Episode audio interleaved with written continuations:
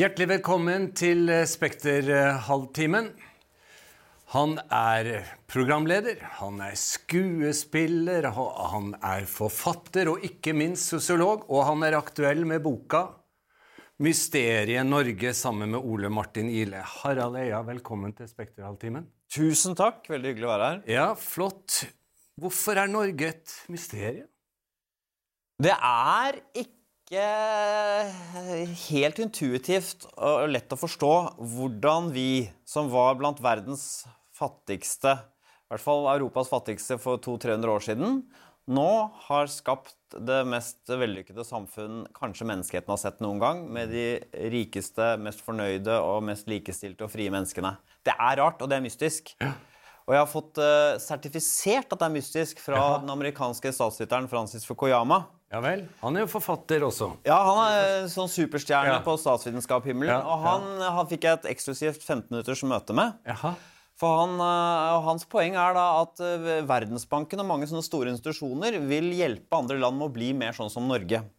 Getting to Denmark er liksom den, De bruker Danmark som ideal. Kunne like gjerne vært Norge. Og så sa han Eh, men det som er den store mørke hemmeligheten, er at even the Danes don't know how it got to be Denmark. Mm -hmm. De, vi vet ikke, selv ikke danskene, selv ikke vi vet helt hvordan fikk vi til dette. her? Er det flaks eller dyktighet? Så er det et stort mysterium. Det er det. Ja. Og er det flaks, eller er det dyktighet? En blanding. Ja. Ja, Det er ingen som har planlagt nøyaktig dette her. Nei. Men uh, vi har vært heldige med noen ting, og så har vi tatt noen valg. Og så har vi lyttet godt til de valgene og sett hva som funker og ikke funker, istedenfor å være fastlåst uh, på løsninger, tror jeg, da. Kom vi utenom ordet dugnad? Ja. ja. Det tror jeg. Ja. Fordi jeg tror dugnad er litt overvurdert som et uh, Hvor viktig det betyr. For det, communal work er veldig vanlig i alle samfunn. At man går sammen, jobber gratis for å få til noe. Så akkurat den varianten vi har med borettslaget som feier og, og rydder om våren, ja, det, det, er kanskje litt spesielt for Norge. Men det er ikke noe spesielt at vi går sammen og gjør noe gratis. Men eh, jeg tror dugnad Det som er misvisende ved det, er at vi misforstår hva vårt samfunn er. Det er ikke eh, snillhet velferdsstaten er basert på. Det er felles egoisme. Felles egoisme, ja. Vi har alle eh, nytte av dette systemet. Det er ikke mm. sånn at det er basert på at vi er verdens mest altruistiske mennesker. Mm. Men la oss, la oss, gå tilbake til begynnelsen. fordi at jeg forsto at du var på sydentur sammen med familien. Og så var det en ansatt ved hotellet du bodde på, som begynte å stille for så vidt enkle spørsmål, og så var du ikke fornøyd med svarene. Stemmer det?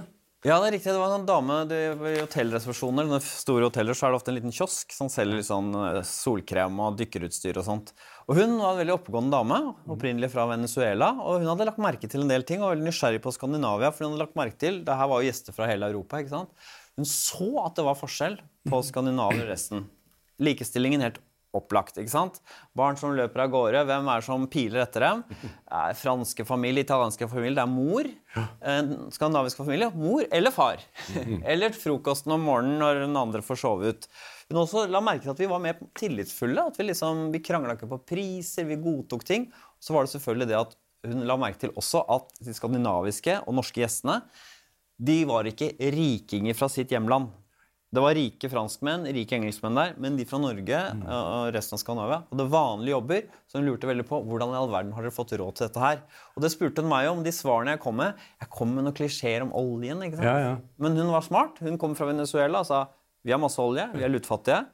Svenskene har ikke olje. De er like rike omtrent som dere. Mm. Så her er det noe som eh, ikke stemmer. Så jeg gikk og gnagde i meg at jeg ikke hadde bedre svar å komme med mm. til denne damen her. Så jeg tenkte sånn Fader, dette skal, dette skal jeg finne ut av. Og denne serien og denne boka eh, den serien som går på NRK, er et slags svar til henne. Akkurat. Har du sendt henne boka, eller? Nei, jeg skal gjøre det. Ja. Men hva er svaret hvis det ikke er oljen? Hvis du ikke drar hele boka, da. Nei, jeg skal ikke gjøre det. Svaret er nok mm, at uh, jeg vil trekke fram tre ting. Jeg vil trekke frem det Vi, er litt heldige. Pga. protestantismen så har veldig mange i Norge lært å lese og skrive. Det gir oss en veldig fordel når den industrielle revolusjonen kommer i gang. Da er det mye lettere for folk å lære seg nye ting enn hvis du har masse analfabeter, som du f.eks. har i Russland.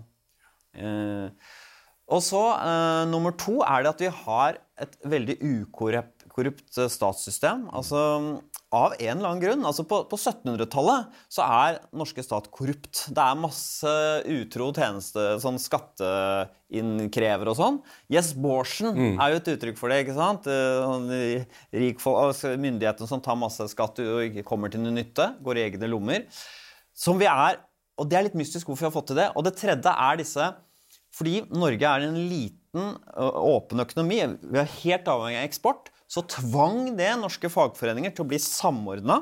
Og det tvang også da norske arbeidsgivere til å bli, uh, organisere seg uh, i en felles organisasjon. Og dette gjorde at vi tok lønnsdannelsen, altså hvor mye lønn folk skulle gå, uh, få, ut av markedet. altså Tilbud og etterspørsel skulle ikke bestemme, men det var disse frontfagene, ja. eksportnæringene, som fikk bestemme hvor mye lønna skulle gå opp og ned. Og det gjorde også at hele lønningssystemet vårt ble pressa mer sammen. Skal ikke gå inn i detalj. Så dette er de tre tingene. Mm. Uh, vi har fått til uh, Vi kan lese og skrive. Ukorrupt stat. Og fått til denne økonomiske likheten, som igjen har gitt oss denne velferdsstaten. For du får ikke til en sånn ting som velferdsstat hvis forskjellene er kjempestore, sånn som i USA. Mm. Det, det, er de tre tingene jeg legger vekt på. Nå skal ikke jeg drive ut i politikken her, men, men ser du faretegn på at det er i ferd med å svikte? Nå, den, den, dette elegante vi har fått til med de små forskjellene? Ja, det gjør jeg. Og det, er, det sånn, og det er interessant hvordan det skjer. Det har blitt veldig tydelig nå i forbindelse med koronaen, hvor folk har blitt oppmerksom på hvor avhengig vi har blitt av importert arbeidskraft. Og Dels så handler jo det om at uh, nordmenn ikke orker å stå og filetere fisk uh, lenger. Men det handler selvfølgelig også om lønn. Mm. At vi har så høye lønninger i Norge at uh, selv fagforeningene aksepterer at verftene tar imot industriarbeidere som får litt dårligere lønn. Mm. For at arbeidsplassene deres skal bli sikre. Vel, vi godtar det. Men da fortsetter vi produksjonen, og vi fortsetter å ha jobbene våre. Ja, ja, ikke sant? Disse dealene her, som presser seg fram, ser ut til å være litt skumle. Ja. Men, men, er vi også da, Harald, blitt, blitt veldig bortskjemt? For jeg hørte på, på, radio i går eller i dag at uh, det var en, en, som hadde en svær jordbæråker. Han sa det er 35 år siden det har stått nordmenn bøyd rygg i all slags vær og holdt på med jordbær. Ja. Er, vi, er vi blitt forferdelig bortskjemt? Kan du godt si det, da. Jeg liker jo ikke ordet bortskjemt, for folk jobber fortsatt hardt. Mm. Vi er veldig produktive, og vi norske arbeidstakere er veldig gode. Uh, men det er klart uh, Det er veldig mye arbeid som er slitsomt, som vi har valgt bort, og vi har hatt råd til å, å velge bort også. Så jeg syns ikke Jeg kan godt si at det er bortskjemt at jeg som student, f.eks., kunne jo også tatt jobb som jordbærplukker. Jeg bare mm. orka ikke. Nei. Jeg orka ikke. og jeg fant en annen jobb. Men jeg tenker at i det øyeblikk ting endrer seg, så vil folk gå ut i jordbæråkrene igjen. Og det går så fort, så vi er ikke fordervet. Sånn som De gamle romere var veldig bekymret. De unge er dekadente, de vil ikke ta i et tak. ikke sant? Og Den samme følelsen kan vi få også. Vel, all rikdommen har øh, gjort oss udugelige og late og, og, kresne. Men i det øyeblikk vi trenger øh, å gjøre det på en annen måte, så tror jeg folk kommer til å gå ut i jordbæråkeren igjen. Mm. Du er jo sosiolog. Jeg forstår på boka at uh, du kanskje ikke er helt fornøyd med innretninga på studiet? Nei, da jeg studerte og jeg, Det er nok ikke så mye sånn nå, men det er litt tendenser i det. Så handlet sosiologistudiet om å finne ut det som var galt mm. ved det norske samfunn. det var om å gjøre å se sprekkene i, uh, i systemet vårt. ikke sant? Likestilling. Å, du trodde at den var på plass? Nei, nei, nei. Her er det glasstak og masse diskriminering fortsatt. Ulikheten Å ja, du trodde Norge ikke hadde noen forskjell på fattig Den øker. Klassesamfunnet er intakt. Altså, det var hele tiden den type Vi diskriminerer fortsatt, vi behandler samene dårlig. Over en lav sko så var det en kritikk av det norske samfunn. Og det er i og for seg interessant. Men det store mysteriet, som var rett foran nesa på oss, er jo hvorfor vi har fått det så bra til. For at ting går litt dårlig, det gjør det jo overalt. Og det er jo viktig å ta tak i. Men det er ikke det som burde være det overordnede, egentlig. Så jeg, da jeg gikk ut av sosiologistudiet, så hadde jeg egentlig ikke forstått f.eks. For hva er en velferdsstat? Jo, et forsikringsselskap. Et felles forsikringsselskap. Jeg hadde ikke tenkt på det på den måten der. Mm. Så eh, det kan godt hende at det ble sagt at ikke jeg fikk det med meg. Men det var denne vi ble liksom podet inn en sånn kritisk holdning til ting. og være og Istedenfor å forstå hvordan, hvorfor ting funker, som også er En bil din, når du går, lærer på bilmekanikerverksted, så lærer du først og fremst om hvordan bilen virker. Mm. Og så etter hvert Å, dette kan gå galt. Da, men eh, det er jo det overordnede. Hvordan virker egentlig en bil? Hvordan virker egentlig en kropp? Hvordan virker egentlig dette norske samfunnet? Det lærte jeg for lite om. I, i, I en anmeldelse, det er jo flere gode anmeldelser av boka di, eller til dere, så skriver Ingunn Økland i Aftenposten at dere må være vår tids nasjonalromantikere. Kjenner du deg igjen? Er det treffende, eller ikke helt? Nei, ikke helt, fordi nasjonalromantikerne de hyllet på en måte at norsk kultur var helt fantastisk og unik, ikke sant? Ved folkemusikken. eh, språket vårt eh, ble satt på pidestall. Vårt poeng er ikke at kulturen vår er noe spesiell, men samfunnsordningene våre. Og det er litt kjedeligere og Ja. gråere. Altså, eh, samordne lønnsoppgjøret, altså dette velferdsstaten eh, Alle disse lover og, og reguleringene som gjør at arbeidslivet vårt blir veldig godt. da. Det er det vi hyller og feirer, ikke den norske folkesjelen eller den norske kulturen som sådan. Så, så jeg, jeg vil ikke være helt enig i det. Og jeg tenker nok, Det høres ut som jeg er litt sånn hevngjerrig. Ingunn Økland er et oppegående menneske, men jeg tenker at hun er et typisk eksempel apropos det vi snakket om på sosiologistudiet, at det gir mer prestisje blant norske intellektuelle å rakke ned og se ned på det norske. De blir litt sånn uvel av den norske selvgodheten. ikke sant? Kanskje med god grunn, men det er det som er deres fokus. Ikke driv og hyll. Da høres du ut som en høyremann. Ja. Da er du en salgsmann, da, ikke en kritisk tenker. ikke sant? Så det er nok noe av den attityden som ligger under hennes uh, uh, dissing av vår feiring av Norge. Betyr det at du får litt sånn eh, Blir litt uvel av å høre slagordet 'Norge først', eller er det OK Norge først? Slagordet 'Norge først'. Ja. Hvem er det som har det slagordet? Ja, Det er en del politikere som nå Ja. sier at nå gjelder Det var en borte i USA som sa det også. Jeg tenker jo at når det kommer til stykket, så er jo Norge først. Det, det syns jeg ofte ikke helt kommer fram. For eksempel, eh? Dalai Lama kom til Norge. Det er en skam at ikke vi, eh, at statsministeren møter han. Og hvorfor gjør ikke det? Jo, fordi de tenker på eksport av laks til Kina, gode handelsrelasjoner. Når det kommer til stykket, når, eh, hva heter det, når hits comes to, push comes to shove, så er jo Norge først. Sånn må det være i en nasjonalstat. Så går det an å også prioritere resten av verden, men til syvende og sist så er dette systemet vi har i Norge, basert på at det, handler om oss. Hvordan skal vi klare oss? Og det setter en del rammer på hvor mange flyktninger kan vi ta imot. ikke sant? Vi kan ikke ta imot, Når det begynner å gå utover den norske befolkningen, så må vi si stopp. Og det må vi bare se i øynene at eh, et samfunnsstyring som ikke har sett Norge først, det vil bli kasta ganske fort. For det behøver ikke å være noe negativt å sette sitt eget land først, for det gjør jo de absolutt. Det gjør jo. Ja. Det ville vært helt latterlig. Noen later som de ikke gjør det, Ja. men eh, altså, kanskje Sverige gir inntrykk av å men, men, men vi vil jo gjøre godt. Og, og det fine med å bry seg om resten av verden, er at det gagner jo Norge at det går bra med andre land. Da kan de være handelspartnere, da er det trygt å dra dit, er det mindre ufred, det er mindre, ja, mindre krig. Så det er, den, det er liksom Bill Clintons poeng. Å bry seg om andre er også en form for egoisme.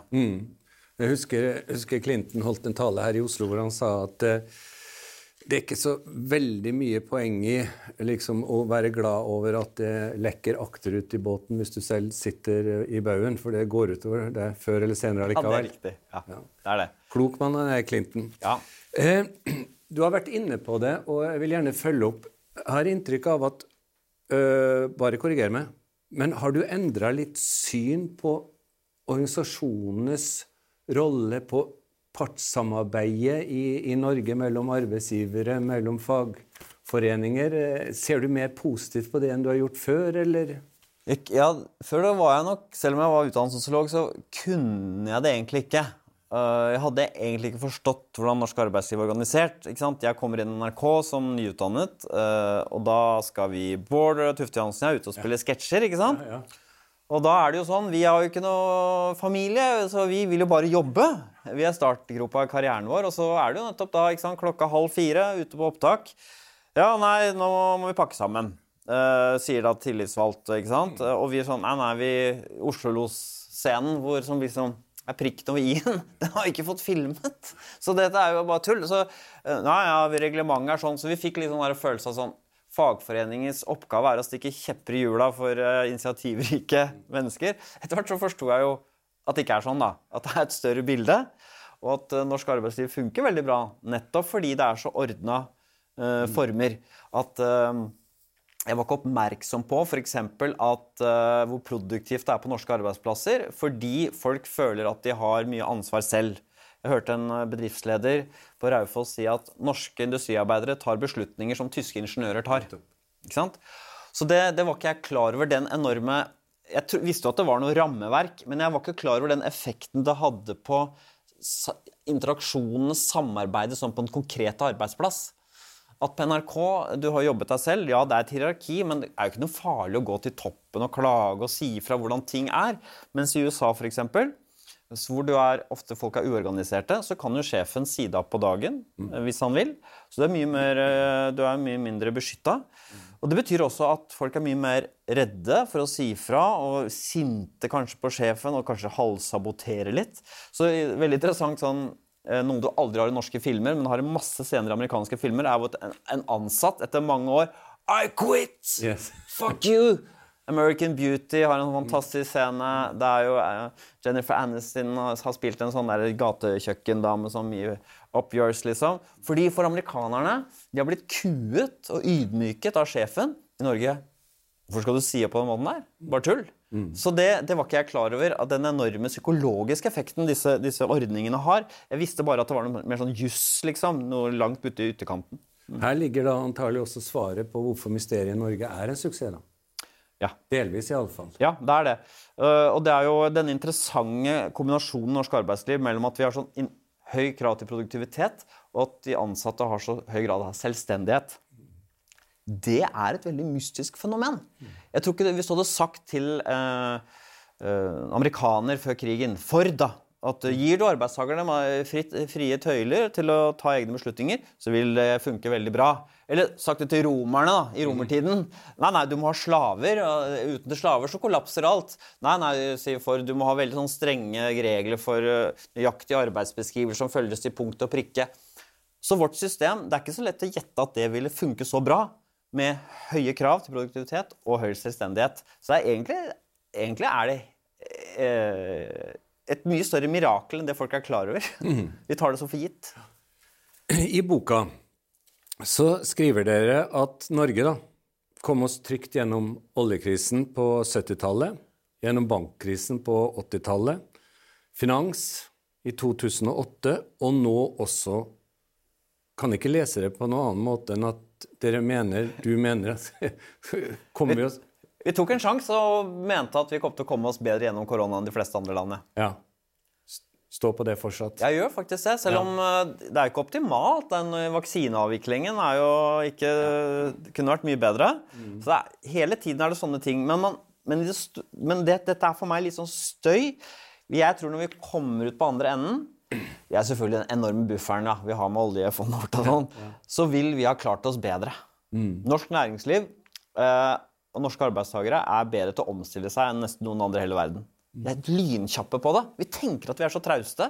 Vi er veldig gode. Altså, det norske modellen, istedenfor å tenke at det er en sånn derre fasttømret betonghus Uh, brutalisme, sånn, du vet, så er det egentlig en veldig dynamisk måte å organisere samfunnet på. Mm. Så jeg tror det, det, er mitt stalltips. Det er bra. det er bra. Men er det, er det, også det du har beskrevet nå i løpet av denne samtalen, som gjør at altså Hvis du ser nedover Europa, så har det vært svære, til dels voldelige demonstrasjoner mot alle de innstramningene vi må finne oss i mm. i dagliglivet. Er det, er det det du har presentert i denne samtalen, som gjør at vi ikke har sett det her i Norge? Altså, er, ja. Ja, det er en Altså, denne uh, hva, hva, Denne likheten folk, særlig venstresiden, feirer og er så opptatt av uh, Det fremstår ofte som et litt sånn moralsk uh, spørsmål at det er urettferdig at noen tjener mer enn andre. Men sett fra sånn samfunnsståsted så, så er den store fordelen med likhet at vi står mer samla, vi løfter i flokk. Vi kan bli enige om ting, for livet er ganske likt for oss. ikke sant? Mm. Men hvis du, som i Frankrike, du bor på landet Du føler at den franske samfunnet og staten har ikke brydd om deg. Du har fått jevnt og trutt dårligere leveforhold gjennom mange år. Dieselavgift truer Macron med for miljøhensyn. Og så kommer det faen meg noe sånn der Nei, vet du hva? Nå er det slutt. Mens i Norge så er vi liksom vi, er vi føler oss mer sammen om dette her. Og da godtar vi, og vi stoler på de på toppen, at de vil oss det beste. For vi har sett at de vil oss det beste gang på gang. Så vi stoler på at OK, dette er forferdelig. Enda en runde nå. Ikke sant? Åh! Butikker stenger. Ja vel, vi går inn i det. Vi er med på det. Så det er, det er det en av de store styrkene våre. Vi har samla lag, og det går an å, å, å, å løfte i flokk. Og det, det, og det, er jo en kjempefordel for et samfunn. Mm.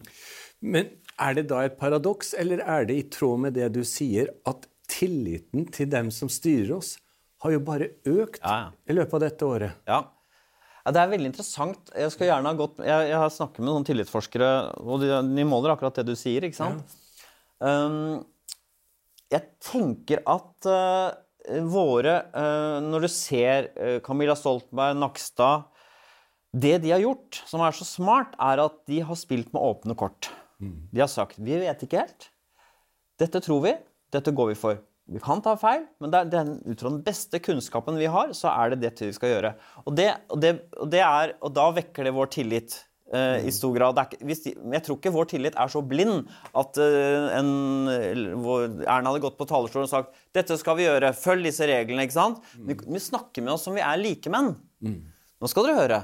Ikke sant? Vi vet mye, men vi vet ikke alt. Og, da, og det er en måte å Det ligner på hvordan arbeidslivet vårt er også, hvor i hvert fall mine sjefer er veldig, ganske åpne på Det kommer ikke sånn tale sånn derre uh, ensidig ros 'Å, vi er verdens beste', og, wap, wap, og ikke måte på og sånn. Nei, det er ganske nøkternt og åpent. Og da, og da føler vi OK, det, jeg stoler på deg. Du, vil, du, er smart, og du vil vårt beste. Så dette det er for meg sånn veldig fint uttrykk for hvordan den, vår måte å samarbeide på uh, funker. da. Og også et bra utgangspunkt antagelig for Norge etter koronaen. Ja, det er det. For det er jo, det er jo tøffe tider fremover der. Men, eh, og det blir eh, vanskeligere. Men jeg tror også det med oljesektoren som da må eh, det, må, det, kommer til å skje et eller annet der. Ingen vet helt når og hvordan, men det tror jeg også vi kommer til å få til. Harald Eia, tusen takk for at du kom til Spekterhalvtimen. Veldig hyggelig å få lov til å være her.